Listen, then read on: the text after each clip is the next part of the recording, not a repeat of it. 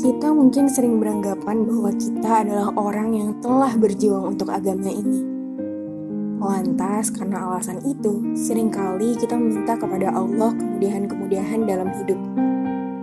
Dengan pedenya mengaku-ngaku, Ya Allah, aku telah banyak berkorban untuk agamamu. Aku menanti kemudahan hidup yang kau janjikan. Iya, Allah memang telah berjanji bahwa dia akan menolong mereka yang menolong agamanya.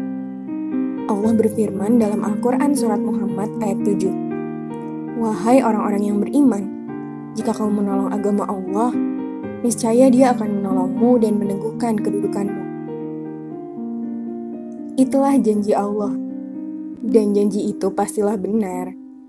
Namun, sudahkah kita merenungkan tentang pertolongan apa yang sebenarnya telah kita berikan?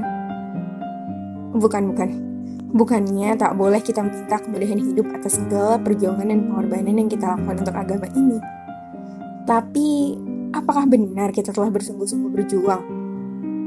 Ataukah itu hanyalah ilusi karena menilai diri sendiri sudah paling heroik? Padahal diajak rapat dan diskusi saja masih banyak alasan. Padahal diundang datang kajian saja kita masih malas-malasan. Padahal ditantang mengaji satu juz saja kita masih ogah-ogahan. Apalagi sholat malam, malahan seringnya kita ketiduran. Lantas, itukah yang selama ini kita sebut sebagai pengorbanan?